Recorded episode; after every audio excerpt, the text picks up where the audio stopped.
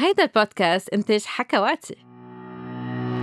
مرحبا مرحبا لجميع المستمعين بحلقة جديدة من حكي صريح مع دكتور ساندرين عبر حكواتي. اليوم رح نحكي عن المتعة الجنسية كهدف من الممارسة الحميمة. إذا بده يكون عندكم هدف للممارسة الجنسية لازم يكون المتعة ومش النشوة. الجنس بحد ذاته مش مفروض يكون عنده خط نهاية. إنما كتار من الأشخاص اللي بيمارسوا الجنس بيعتبروا إنه في نهاية للممارسة الجنسية وإنه هالنهاية هي بلوغ النشوة. وبس يبلغوا النشوة كأنه وصلوا لنهاية الجنس. إنما بس الواحد يفتكر إنه المتعة بالممارسة الجنسية هي النشوة. كتير بيكون عم بينقص من المتعة. أثناء ممارسة الجنس. فخلينا نفكر شوي. ليش عم نقول إنه لازم نركز على المتعة ومش النشوة؟ مش كل النشوات ممتعة؟ صحيح إنه أكترية النشوات عادة بتكون ممتعة إنما مش كل بلوغ للنشوة في يكون ممتع. بعض الأوقات الواحد في يحس حاله حزين بعد بلوغ النشوة بعض الأوقات رح يكون حاسس حاله مجبور إنه يبلغ النشوة آه، كرمال الشريك أم الشريكة. وبعض الأشخاص عندهم نشوة مؤلمة. ففي شيء اسمه النشوة العاطلة.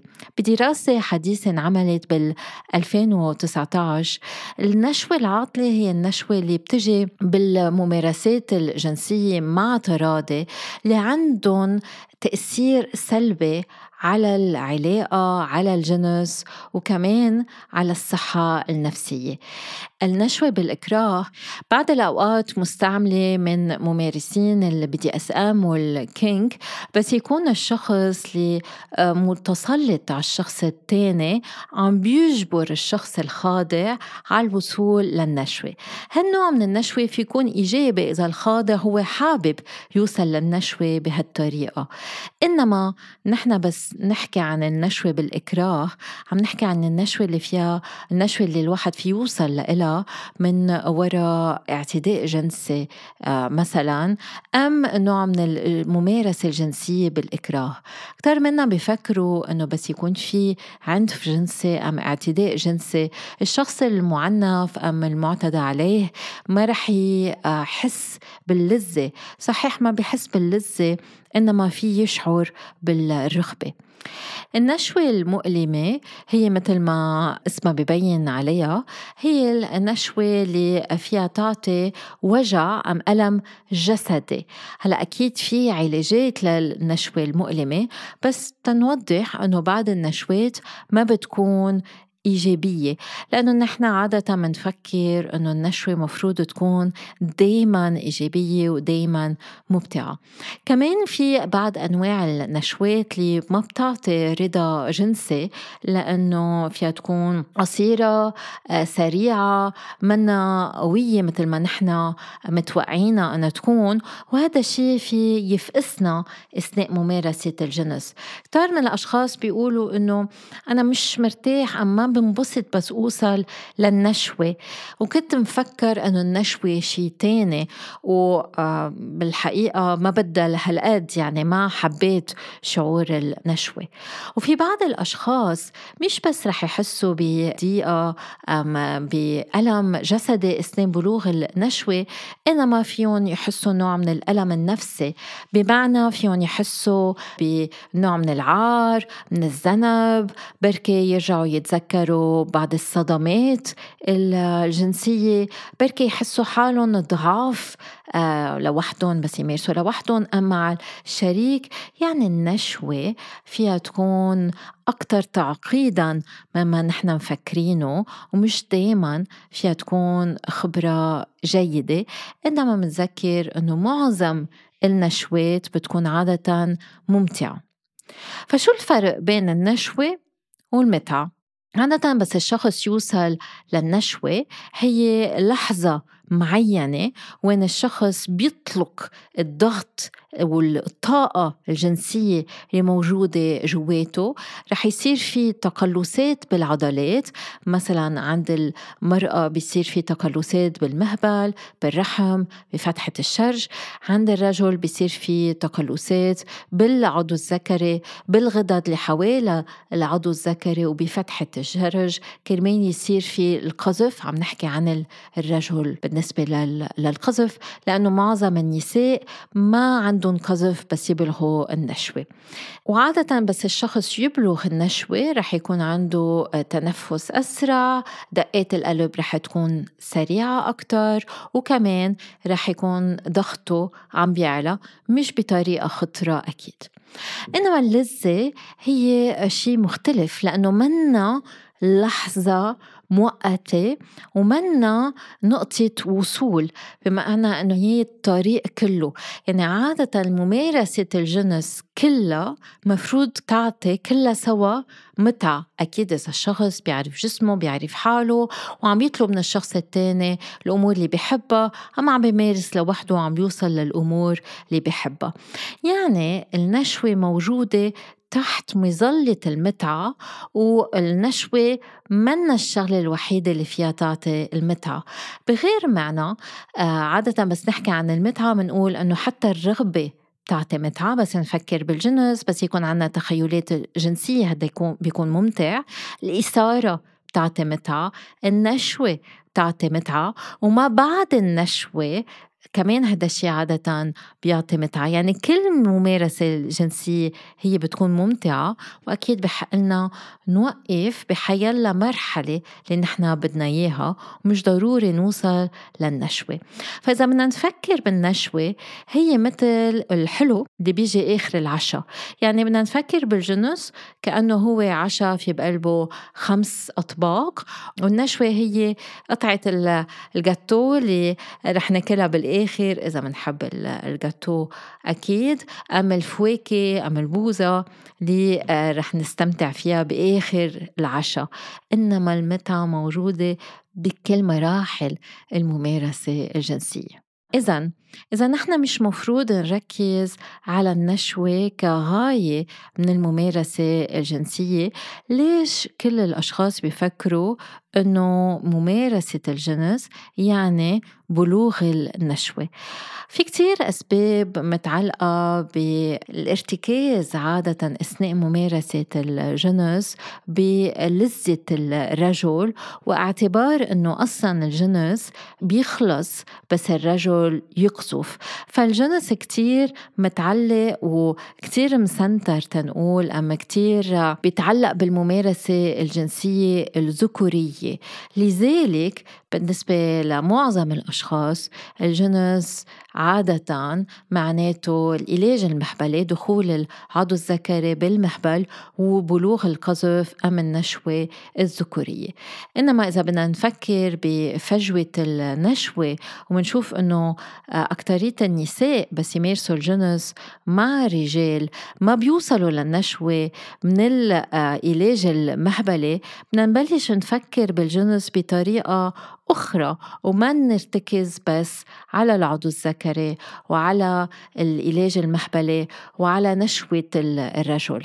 لأنه مثل ما قلنا المتعة هي أكثر بكتير من النشوة وبدنا نقدر نشوف العلاقة الجنسية والممارسة الجنسية بطريقة مختلفة. في كتير فرق بين إنه الواحد بده يساعد الشريك تيوصل أم يبلغ النشوة إنه الشخص يبلغ النشوة والحاجة إنه يكون بدنا إنه الشريك يبلغ النشوة تا نحن نحس حالنا كفؤين بالجنس أم راضيين من الممارسة الجنسية. فبدنا نقدر نشيل هيدا الضغط لأنه دايما في نوع من الضغط أثناء الممارسة الجنسية أنه أنا ما عم متع الشريك إذا ما عم يبلغ النشوة القذف عند الرجل والنشوة عند المرأة. بس نشيل هالنوع من الضغط ونركز على اللذة ساعتها الممارسة الجنسية كلها بتتغير وبتختلف وبصيروا الشريكين عم بيركزوا على كل شيء عم بيعملوه كرمال يحسوا بالمتعة وكمان يتشاركوا المتعة. فبعقول وبذهن كتار من الأشخاص عادة بيفكروا إنه إذا في نشوة يعني العلاقة الجنسية ناجحة وإذا ما في نشوة يعني العلاقة الجنسية منا ناجحة. إنما كتار من الأشخاص بيقولوا لكم إنه حتى بس يوصلوا آه، للنشوة آه، ما بيعتبروا إنه كانت الممارسة الجنسية مرضية. فسر الرضا الجنسي هو المشاركة والمتعة مش النشوة.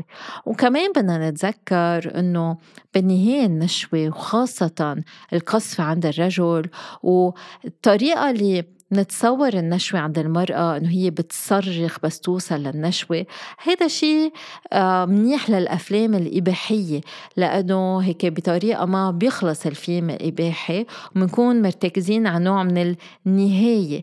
فهذا النوع من المتعة الجنسية كتير منشوفها بالأفلام الإباحية اللي كتير بترتكز على النشوة القذف عند الرجل وكمان النشوة آه، اللي بتجي سوا. يعني الرجل والمرأة اللي بيجوا سوا اللي نحن بنعرف بالحقيقة النشوة المتزامنة منا هالشي هالقد شائع خاصة أنه 80% من النساء ما بيبلغوا النشوة من العلاج المحبلة فنعم النشوة لحظة ممتعة شيء حلو إنه نشعره.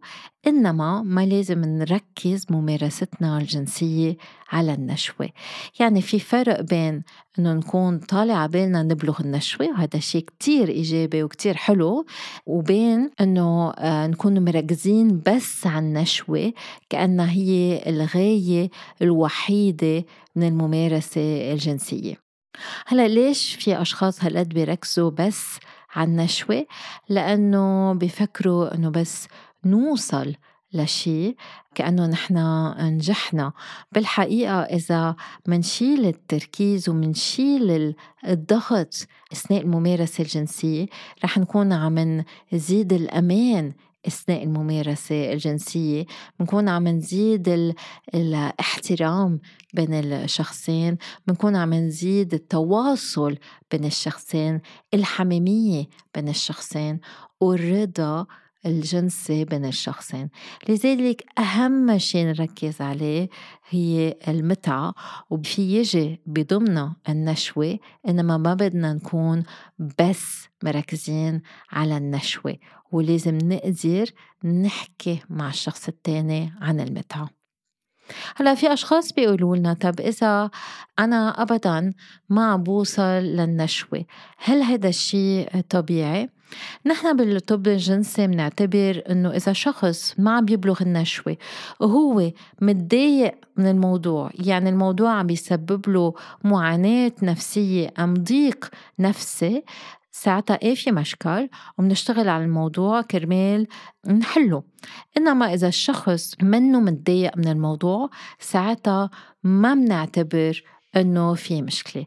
وعلى فكرة الأشخاص اللي ما بيبلغوا النشوة منهم آه، نادرين. يعني خمسة لعشرة بالمية من النساء ما بيوصلوا أو ما بيبلغوا النشوة. وإذا منقارن بالرجال تقريبا ثلاثة لأربعة بالمية من الرجال عندهم مشاكل بالقذف وما بيقدروا يوصلوا للنشوة. شو هن الأسباب ليش الشخص ما بيوصل للنشوة؟ حكينا عنها بكذا حلقة حكينا عن التوتر عن قلة المداعبات أم التحفيز وكمان حكينا عن الحلول مثل إمتع الذات الاستكشاف الذاتي الحوار مع الشريك التأمل وغير طرق الواحد يقدر عن جد ركز على متعته. بعض الأوقات الأسباب متعلقة بالعار بالصدمة وتروما بمشاكل بعضلات قاع الحوض وكلهم فيهم يأثروا على النشوة لذلك واحد إذا متضايق إنه ما عم بيبلغ النشوة لازم يشوف معالج نفسي جنسي فإذا قلنا ما بدنا نركز على النشوة شو لازم نعمل؟ أول شغلة بدنا نقدر نتفق مع الشريك إنه مش ضروري يصير في علاج. يعني بدنا نغير طريقة الممارسة الجنسية ونمارس الجنس الخارجي. يعني بالمداعبات بالفرك بالمداعبات اليدوية بالجنس الفموي بالحكي الجنسي بقراءة الأمور المثيرة. يعني الواحد بده يصير عم بيهتم وعم بيدرس المتعة. أكيد الواحد في يتعلم أكتر يقرأ كتب عن الموضوع يتثقف عن الموضوع كرمال يكبر تفكيره بالجنس وكيف يفهم المتعة الجنسية. تالت شغلة الواحد فيه يعملها هو إنه يوقف يسأل التاني كل الوقت من بعد الممارسة الجنسية دغري مع كعبة إنه آه أنت قريب أنت قريبة وصلتي وصلت بليز آه تعي كرمالي أم بليز زوف كر كرمالي. كل هالضغط هذا الشيء في يأخر كمان النشو وبيشيل المتعة. فبدل هالأسئلة فينا نسأل الشخص التاني هل هالتحفيز حلو بالنسبة لإلك؟ شو فينا أعمل تزيد متعتك متعتك بهاللحظة حابب أم حابة إنه أعطيك أم أعطيك متعة أكتر؟ فبس تركزوا على المتعة ما بقى تحطوا ضغط على النشوة ساعتها كتير بتختلف الممارسة الجنسية. أكيد من بعد الممارسة الجنسية يعني بيوم تاني الواحد في يحكي مع الشخص عن النشوة ما بقول أنه خلص نسكت كليا عن النشوة ويستحوا بعض الأشخاص يقولوا أنه هن ما بلغوا النشوة وكونوا عم بيعانوا أنه هن ما بلغوا النشوة. لا يكون في حديث عن الموضوع بس من دون ما يكون في ضغط أثناء الممارسة الجنسية. تتقدروا توصلوا لهيدا الهدف بدكم تقدروا مع الشريك إنه تفهموا النشوة بطريقة أخرى. يعني مثل ما قلنا النشوة هي ضمن مظلة المتعة وفينا نوصل للنشوة بطرق كتير مختلفة.